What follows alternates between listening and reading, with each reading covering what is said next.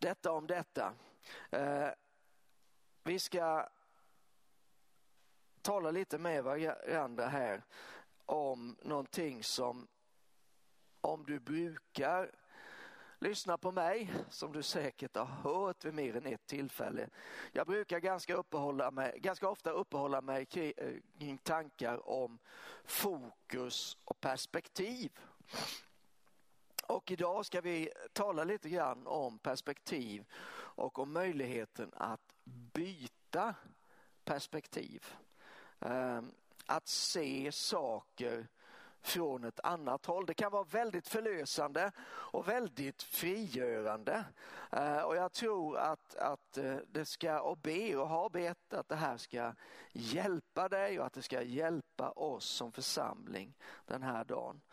Eh, om man till exempel ser på det man har istället för det man saknar då är det ju en, en formlig game changer som de säger. Det kan, det kan förändra precis allting. Eh, jag har en, en story eh, om, om det som i all sin enkelhet för mig, bara jag påminner mig om det och så, och så tänker jag, ja just det, det går ju ingen nöd på mig. För att ibland kan man ju tänka det, ja det, jag har det så jobbigt och det är så synd om mig. Och, så får jag dra den historien. Du kanske har hört den tidigare men då får du bara stå ut en liten minut. För i, i vårt sovrum sitter ett gigantiskt stort element och stundtals så har det för vana att bli knäppt. Det vill säga det knäpper i det ganska mycket. Jag har luftat, jag har gjort allt enligt konstens alla regler men ibland får det bara för sig att knäppa. Och en natt så låg jag vaken och lyssnade på detta knäppa element och retade mig något så kopiöst på det. Du vet hur det är när man inte kan sova och så tänker man det är nog det här elementet som håller mig vaken. Fast egentligen var det nog mina tankar om det som höll mig vaken. Men mitt under detta högljudda knäppande så kom väl bara Gud och hjälpte mig att få ett litet annat perspektiv. För först så bara tänkte jag, Ja, men det är i alla fall fantastiskt att jag har värme. Även om det knäpper i elementet så ger det mig ju värme. Och hur skulle det vara om jag inte hade värme i huset? Och så började jag tänka på och vad, vad tacksam jag är att jag har fjärrvärme. För det var nämligen så här att i ett tidigare liv, höll jag på att säga, men tidigare i livet så eldade vi med ved. Och det där ved, det var, vi hade en panna, det var egentligen en oljepanna, den var inte gjord för vedeldning. Pannrummet var inte gjort för att elda med ved heller. Så det där var en, en process att bara mata pannan. Vi hade inga varmvattentankar och så vidare. Olja var för dyr, vi hade inte råd att köpa det. Men så fick vi in fjärrvärme och helt plötsligt tänkte jag, tack gode gud att jag har fjärrvärme. Och på, så, på, på det här sättet så bara förändrades mitt perspektiv. Och det var fler tankar, jag går inte in på alla dem nu. Men vad det gjorde, det gjorde att jag hörde inte längre att det knäppte. Utan jag bara somnade överlycklig över att jag hade råd att ha fjärrvärme och att jag bodde i ett hus där det fanns fjärrvärme. Och tänk vad jag är välsignad. Och så tror jag att det många gånger så är det inte våra omständigheter som måste förändras för att vi ska få det bättre. Utan det är vårt perspektiv kring omständigheterna som kan hjälpa oss enormt mycket. Som till exempel idag så kanske du sitter hemma och säger, åh jag bara önskar jag vore i kyrkan. Och du bara, åh nu har jag inte fått vara i kyrkan på så länge. Och det är klart att vi allesammans eh, skulle önska att du var här. Det hade varit jätteroligt. Men om vi byter perspektiv, vad är viktigast? Att du kommer till kyrkan, den fysiska platsen, eller att Jesus kommer till dig? Ja, det måste ju vara att Jesus kommer till dig, eller hur? Så att om du, om du gör den perspektivförskjutningen eller den perspektivförändringen så helt plötsligt så inser du Ja, men Jesus är inte begränsad av den här lokalen. Det är inte bara här han är. Han kommer ju till dig där du är. Och det gör det ju att du kan tillbe precis som du gjorde i kyrkan, kanske till och med lite friare för här, där finns ju kanske ingen hemma hos dig som, som sitter och tänker vad hemskt vad han var vild idag. Uh, eh, och, och, han kan ju möta dig precis lika mycket som han kan göra när du är i en kyrka, eller hur? Så om du byter det perspektivet så kan du få en väldig hjälp av det. Eller när du sitter kanske om någon timme eller två och käkar lunch. Säger du, ah, det, var, alltså det var ingen riktigt lyckad lunch idag. Eh, jag skulle ju önska att min man vore lite bättre på matlagning. Men om du då byter perspektiv och tänker för det första, ja men tack gode gud att han lagade mat. Eller för det andra tänker, vad otroligt många människor som idag saknar mat på bordet. Som faktiskt svälter trots att de på morgonen kanske bara bad till Gud och sa ge oss idag vårt dagliga bröd. Med den perspektivförändringen så garanterar jag att din mat kommer att smaka bättre. Eller kanske i de där tillfällena där någon har sårat eller, eller gjort dig illa och så säger du, jag vill inte förlåta. Jag, jag, nej, jag, nej. Det blir ofta lite den tonen då. va. Men om du byter perspektiv och säger, tänk vad, vad Jesus har förlåtit dig. Tänk vad mycket Jesus har förlåtit dig. Helt plötsligt går det nog lättare att förlåta andra. Eller hur? Men det är lätt för oss att vi hamnar i ett perspektiv. Vi kör fast i en tanke och sen så eh, blir det så svårt att komma ut, för det blir liksom som hjulspår. Men prisad vare Herren, det går att komma ur hjulspår. Och det är min bön att du den här dagen kanske ska komma ut ur något hjulspår. Till exempel så tänker vi om olika bibelsammanhang så kan vi tänka på ett visst sätt. Men om den heliga ande ger oss ett annat perspektiv så kan ett bibelord som känns om bara inte Gud hade skrivit det i Bibeln så kan det vändas till Tack gode Gud att du skrev det här i Bibeln. Ta till exempel det här med, med att Petrus gick på vattnet. Kan du visa mig en bild på Petrus när han går på vatten? Alltså det, det finns så många bilder när Petrus är halvvägs nere och med panik i blicken och en utsträckt hand mot Jesus. Hjälp! Men du får leta väl, jag har googlat flera gånger. Jag hittade, jag fanns en, jag tror det var en eh, legobild där Jesus gick på vattnet. Det var typ det enda jag hittade. Men vad, vad, är det? Jo, men då har vi fått ett visst perspektiv kring den där berättelsen. Petrus sjönk. Ja, men innan Petrus sjönk så gick Petrus på vattnet. Han gick, en människa gick på, vi kan köpa att Jesus gick på vattnet för han var Guds son. Och just där tänker vi inte så mycket på att han också var människa. För det är ju, ja, men det är inget problem, han är Guds son, han kan göra vad han vill. Men Petrus, Petrus gick på vattnet. Och det fantastiska var ju att han gick på vattnet, eller hur? Inte att han sjönk.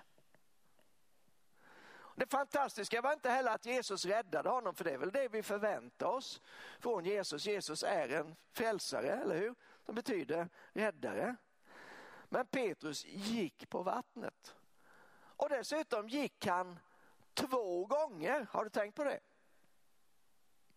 Han gick ju tillbaka till båten. Eller tror du att Jesus bar honom tillbaka till båten?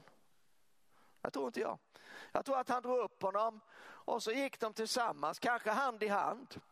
Så gick de tillsammans tillbaka till båten. Ja, men Jesus sa ju så lite tro du har. Varför tvivlade du?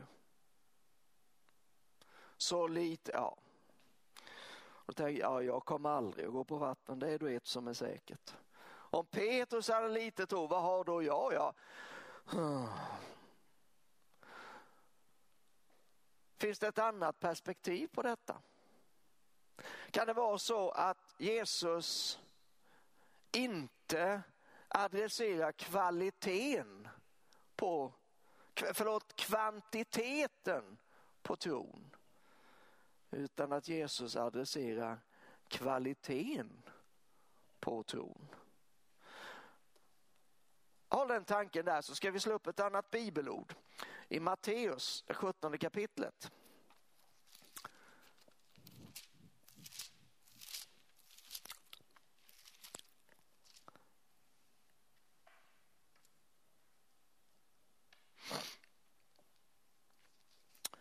I Matteus 17 och vers 19 så står det så här. När lärjungarna hade blivit ensamma med Jesus kom de fram och frågade varför kunde inte vi driva ut den? Han svarade därför att ni har så lite tro. Det är samma uttryck, det är samma ord i grundtexten. Oligopistos för den vetgirige. Jag säger sanningen, om ni har tro bara som ett senapskorn ska ni säga till det här berget, flytta dig dit bort och det kommer att flytta sig. Ingenting kommer att vara omöjligt för er.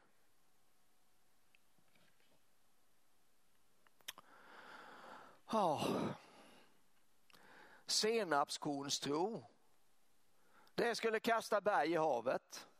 Vad är då min tro? Om vi går ner på atomnivå och så klyver vi atomen så hittar vi neutroner och ja, positroner, vad heter de? Jag, jag, jag har inget bra betyg i fysik så vi lämnar det. Men det är lite där vi känner oss. Ja, så lite tro ni har. Men lite tro, som det är översatt här då, oligopistos. Då kan man fundera på det här med oligo, handlar det om storleken? För om det var så att Petrus gick på vattnet och så hade han lite tro, krympte tron då? Jag menar när han, när han gick borde ju, borde ju tron ha stärkts, eller hur? Den borde ha växt. Men den krympte... eller, eller var det det, eller, eller vad är det som, som egentligen står här? Jo, det här ordet oligo kommer du aldrig att glömma det här ordet. Det blir jättebra, du lärt dig något nytt idag. Men framförallt ska du lära dig vad, vad det här står för som jag säger nu. För oligo kan tala om storleken, så det är helt rätt att kalla det för liten tro. Men det talar också om varaktigheten. Det vill säga längden på tron. Och Det betyder båda sakerna lika mycket. Både storlek och varaktighet kan man läsa in. Om man då läser Matteus 17, och 19 och 20 utifrån den förståelsen så frågar lärjungarna varför kunde inte vi driva ut den? Därför att er tro är så ovaraktig eller flyktig. Om ni har tro, för det är nämligen så här med, det står så här, om ni har tro bara som ett senapskorn står det i den bibel jag läser från. Så om man tittar i grundtexten så ser man att det här ordet bara, det finns inte i grundtexten.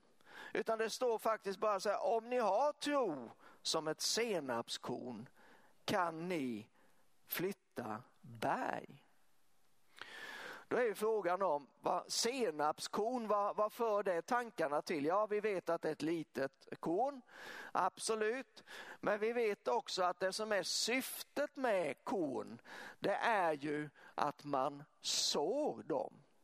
Och när man har sått dem, till exempel utifrån Jesu liknelse om, om ordet som kan växa i olika jordmån i Matteus 4 eller olika jordar, så, så vet vi att vi behöver också ta hand om sådden. Vi behöver rensa, vi behöver vattna, vi behöver se till i förväg så att jorden är, är, har bra kvalitet och så vidare. Och så behöver vi vänta. Såningsmannen väntar, skriver Jakob på skörden. Han väntar uthålligt på skörden. Så om vi, om vi tar det här perspektivet och talar om att, Jesus gick, eh, förlåt, att Petrus gick på vattnet men att han hade lite tro eller att lärjungarna inte kunde driva ut en ond ande därför att de hade lite tro. Och istället förstår det som att tron hade inte tillräcklig varaktighet. Den var för tillfällig. Den trodde bara till en tid, som det står i Matteus 4, om det som såddes, inte vid vägen, men det som såddes på stenig mark. De tror till en tid, sa Jesus när han skulle förklara eh, den delen av liknelsen. Då blir ju detta som har med uthållighet, med väntan, det blir otroligt betydelsefullt. Och där vill jag bara applicera den tanken på det som vi som församling håller på med just nu. För vi väntar på Herren. Vi stannar kvar som vi har fått ett ord ifrån Gud. Vi, vi har haft olika former av bön och böneperiod och bön och fasta. Så länge nu kanske du tycker så, jag kommer inte ihåg ens när vi började. Vi började egentligen efter sommaren.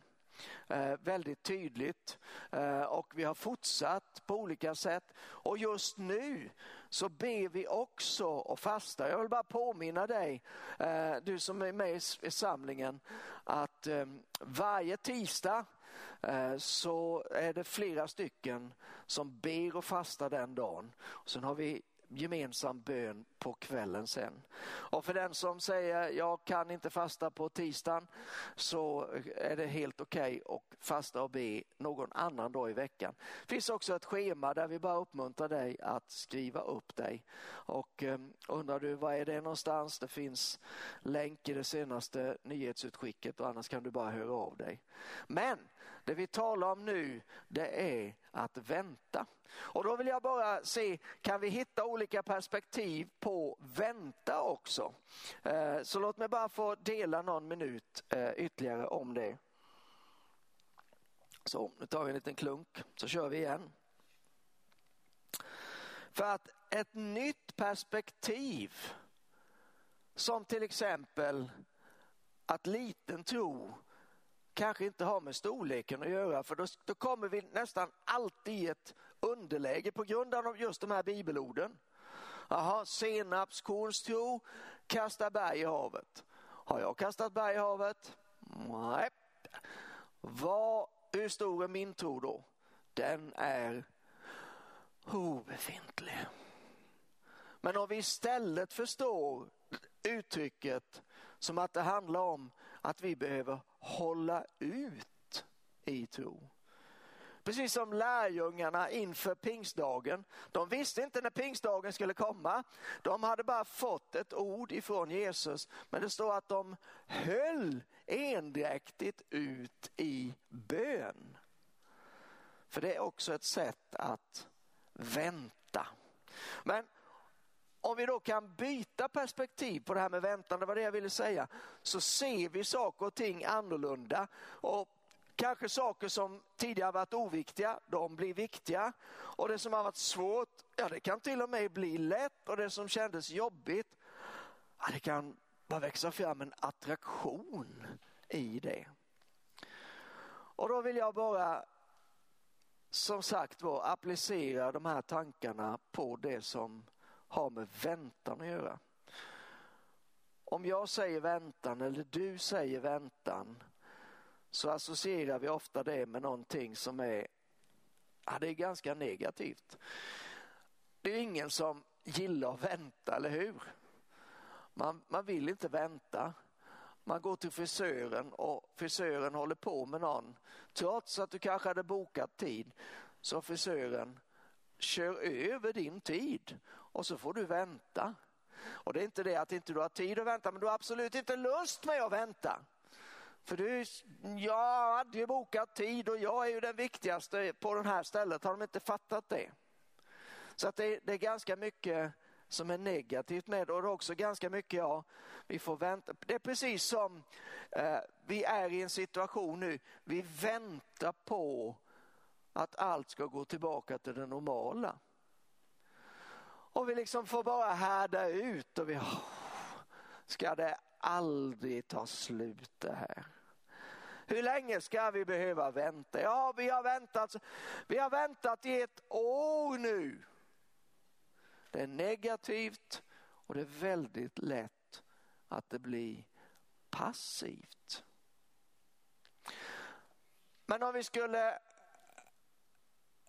försöka att ändra perspektiv på det här och se om vi kunde få ut något positivt ur det. Då tror jag att om vi bara sätter tre bokstäver före väntan så skulle vi kunna komma in från ett annat håll. Vi skulle kunna få ett annat perspektiv. Vad är det för bokstäver? Det är F-Ö-R. Förväntan. Förväntan, då finns det ett mycket tydligare mål. Det finns liksom ett syfte. Det finns mer av liksom glädje och, och ah, det är någonting på gång här. Jag förväntar mig någonting ifrån, i det här fallet då Gud. Det är någonting positivt och det är också någonting som är aktivt. Och här tror jag att vi berör någonting som är väldigt avgörande. Om man läser genom Bibeln och tittar på de olika begreppen och, och, och så vidare så är det väldigt lite som pekar åt det passiva hållet. Utan, jag menar, Gud, är Gud passiv? Nej, Gud är en Gud som är aktiv. Han är aktiv i historien. Hela vår historia börjar med att Gud är aktiv. Och sen faller människan, men då är Gud aktiv i att ta människan tillbaka till sig själv. Och så kommer frälsaren och han är aktiv. Och så, och så föds församlingen och så får församlingen en, en, ett, en marschorder. Och vad handlar det om? Var aktiva, gå ut. Det säger inte stå ut, den säger gå ut. Det är någonting aktivt och då blir det också någonting som är positivt. Så förväntan, det är det som du och jag behöver. Vi behöver det i den här tiden, vi behöver det i alla tider. Och kan vi ha det perspektivet istället för att bara vänta att hålla i och hålla ut, ja, vi är trötta på det. Det måste finnas något bättre. För när vi, när vi tröttnar då, vi kan ju, jag menar vi är kapabla, vi kan vara ganska envisa och, och uthålliga så. Men till slut så tröttnar vi. Och vad blir det då? Ja, det blir inte mycket. Och risken är förstås att när det sen väl händer saker, då har vi fjärmat oss ifrån det. Så det kanske inte ens händer oss, vi kanske inte ens märker det. Men om vi har förväntan, då är risken att vi missar det väldigt mycket mindre. För då håller vi i på ett helt annat sätt. Då agerar vi, då är vi aktiva i detta. Jag ska ge dig några, några bibelord här och um, jag tror vi börjar i Habakuk. Känner du Broder Habakuk? Vi Ska se om vi hittar honom. Han kommer efter Nahum, han är en av småprofeterna. Men han har viktiga saker att säga till oss. Habakuks andra kapitel. Och vi, vi kan läsa från vers 1. Habakuk 2, 1. Jag ska stå på min vaktpost och ställa mig i tornet. Jag vill spana för att se vad han ska tala till mig, vilket svar jag ska få på min klagan. Om vi, om vi sätter oss in i Habakuks situation för ett ögonblick. Det är en en allt annat än positiv situation. Men Habakuk, han är aktiv. Han ställer sig på sin vaktpost, han står i tornet, han spanar för att se vad Gud ska säga. Han har klagat till Gud. Det är okej okay att klaga till Gud. Men det finns mer saker man kan göra med Gud som är ännu bättre än att bara klaga. Men då får han ett svar i vers 2. Herren svarade mig och sa, skriv ner synen och gör den tydlig eh, Gör den tydlig på tavlor så den lätt kan läsas. För synen väntar ännu på sin tid. Han skyndar mot slutet och sviker inte.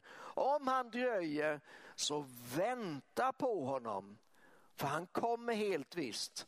Han uteblir inte. Det är väl intressant att, att han kallar synen för han. Fast på ett sätt är det ganska naturligt. För att det är alltid Gud. Det är som i uttrycket Gud sänder inte väckelse, han kommer själv. Gud vill själv komma. Han kommer att komma. Frågan är, väntar vi på honom? Håller vi ut? Är vi aktiva i vår väntan så att det blir en förväntan till honom? Vi tar med den tanken och vi backar en bra bit i Bibeln till Jesaja det 40 kapitlet. Och så ska vi läsa även där. Vi har läst Jesaja 40 och de verser som står i början ganska många gånger nu eh, de senaste månaderna. Och jag tror verkligen att det är ett ord för vår tid. Det är en verser som talar om och kallar Jerusalem eh, till aktion. Som kallar Jerusalem, som ju är en bild på församlingen, att förbereda för att Jesus ska komma. Och eh, med väldig kraft dessutom ska vi göra. Så det gäller fortfarande, tror jag. Men nu ska vi titta i slutet på kapitlet. Så står det så här från vers 28, Jesaja 40, 28. Vet du inte, har du inte hört att Herren är en evig Gud som har skapat jordens ändar? Han blir inte trött och mattas inte, hans förstånd kan inte utforskas. Han ger den trötte kraft och ökar den maktlöse styrka. Ynglingar kan bli trötta och ge upp, unga män kan falla, men de som hoppas på Herren får ny kraft. De lyfter med vingar som örnar, de springer utan att mattas, de vandrar utan att bli trötta. Ordet hoppas här, det översätts i engelska bibeln med väntar. De som väntar på Herren får ny kraft. Vilket är rätt, vänta eller hoppas? Ja, båda är rätt. För att det har nämligen förväntan. Det är väldigt nära besläktat med hopp och hopp, det är trons lillebror. Och hoppet låter oss inte komma på skam, säger Bibeln. Men ordet i hebreiskan, det är, det är lite lätt att komma ihåg tycker jag som en kaffeälskare. För det är kava. Kava. Och om du har kava så ger du inte upp. Då tröttnar du inte, då får du ny kraft när du får en kopp kaffe. Nej, skämt åsido. Men det är bara för att det är lätt som sagt var att komma ihåg det.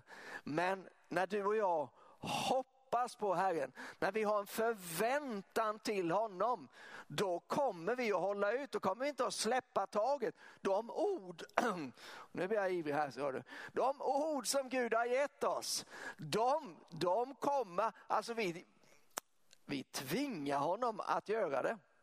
Du förstår vad jag menar. Vi släpper honom inte, vi säger som Jakob, nej jag släpper det inte. Jag ska ha det, du, har, du måste välsigna mig. Vi vill ha det Gud har lovat. Gud ska utgjuta sin ande. Och det är klart att den bönen intensifieras nu när vi närmar oss pingst. Att Gud på nytt ska utgjuta sin ande. Men vi kan inte bara vänta. Vi måste ha en förväntan. Vi måste hoppas på Herren. Får jag ge något mer bibelord? Eh. oh, Jesus. Jag tror vi går till Nya Testamentet, vi går till Andra Petrus brev.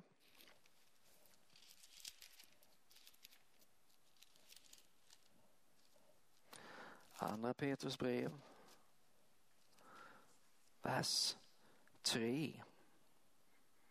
Förlåt, Andra Petrus brev kapitel 3.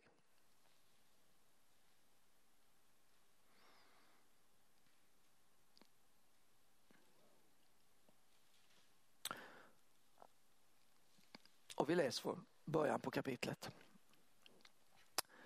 Detta är nu det andra brevet som jag skriver till er mina älskade. I båda har jag med mina påminnelser velat väcka ert rena sinne. så att ni tänker på det som är förutsagt av de heliga profeterna och på budskapet från Herren och Frälsaren som ni har hört från era apostlar. Framförallt ska ni veta att i de sista dagarna kommer hånfulla människor som drivs av sina begär och som hånar er och säger Hur går det med löftet om hans återkomst? Sedan fäderna dog har ju allt fortsatt precis som det varit från skapelsens början. Känner du igen det där? De där rösterna de talar för mig ibland, säger jag. Jo du, du gick ut hårt. Undrar om inte du kroknar snart. Att det skulle bli väckelse här. De har hållit på i över 30 år. Hur blir det med löftet om det där? Men de bortser medvetet från att det för länge sedan fanns himlar och en jord som uppstod ur vatten och genom vatten i kraft av Guds ord. Genom vatten och Guds ord dränktes den dåtida världen och gick under. Men de himlar och den jord som nu finns har genom samma ord sparats åt eld och bevaras fram till den dag då de gudlösa människorna ska dömas och gå under. Men en sak får ni inte glömma mina älskade. För Herren är en dag som tusen år och tusen år som en dag. Gud har ett annat perspektiv, eller hur? Det hjälper om vi kommer ihåg det. Men det jag vill säga här, det är vad som står i vers 9. Herren dröjer inte med att uppfylla sitt löfte. Så som en del menar. Nej, han har tålamod med er. Eftersom han inte vill att någon ska gå förlorad utan att alla ska få tid att omvända sig. Men Herrens dag kommer som en tjuv. Och då ska himlarna försvinna med våldsamt dån och himlakropparna upplösas av hetta och jorden och dess verk inte mer finnas till. Det är ganska drastiska saker som ligger framför. När nu allt detta går mot sin upplösning. Det kan vi nog applicera på vår tid, eller hur? Hur heligt och gudfruktigt bör ni då inte leva medan ni ser fram emot Guds dag och påskyndar dess ankomst. Vilket fantastiskt perspektiv som Gud ger oss här. Att vi kan påskynda att Jesus kommer.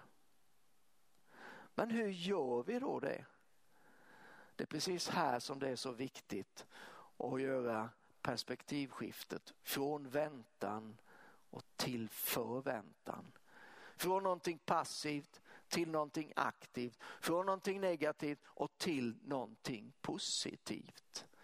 Vi förväntar oss att Jesus ska komma. Vi förväntar oss att Gud ska, ska hälla ut sin helige ande över oss, över sitt folk, över den här stan och över vårt land och ut över Europa. Vi förväntar oss detta. Och om vi förväntar oss detta, då kommer vi inte att bara sitta eh, passiva eh, och lite missbelåtna över att det dröjer så länge, utan vi kommer att engagera oss. Vi kommer att be, vi kommer att profetera, vi kommer att proklamera Guds ord, vi kommer att ägga varandra, vi kommer att sprida evangeliet, vi kommer att predika, vi kommer att offra, vi kommer att gå, vi kommer att göra allt som krävs därför att vi förväntar att Gud ska göra det han har lovat att han ska göra. Där är du och jag. Om vi inte är där så är det dit vi är på väg. Och därför så vill jag bara avsluta här. Vi ska be lovsångsteamet att komma fram. Eh, jag vill bara avsluta med att be för dig och för mig den här dagen. Och inte minst för dig som kanske sitter där och har fastnat i ett perspektiv av, kanske har det att göra med om du hörde förra söndagens budskap som var otroligt viktigt om skam. Du har fastnat där du kände igen dig i det som Elinor beskrev. Eh, och skammen håller dig bunden. Då är det så avgörande viktigt att du tar till dig nådesperspektivet, att du tar till dig rättfärdighetsmedvetandet. Det som Gud ger oss, inte för att vi förtjänar det, utan på grund av sin godhet. Eller du kanske sitter där och livet blev inte som jag ville och det är bara jobbigt alltihop. Vet du, idag kan du resa dig upp och så kan du bara ta emot den här anden som är hoppets ande som är förväntansfull inför framtiden. Du kan säga, jag har blivit för gammal nu. Det är för sent för mig. Det är aldrig för sent för dig. Så Herre, jag ber för oss var och en. Jag ber för mig, jag ber för mina bröder och systrar, jag ber för församlingen och jag ber för din kropp.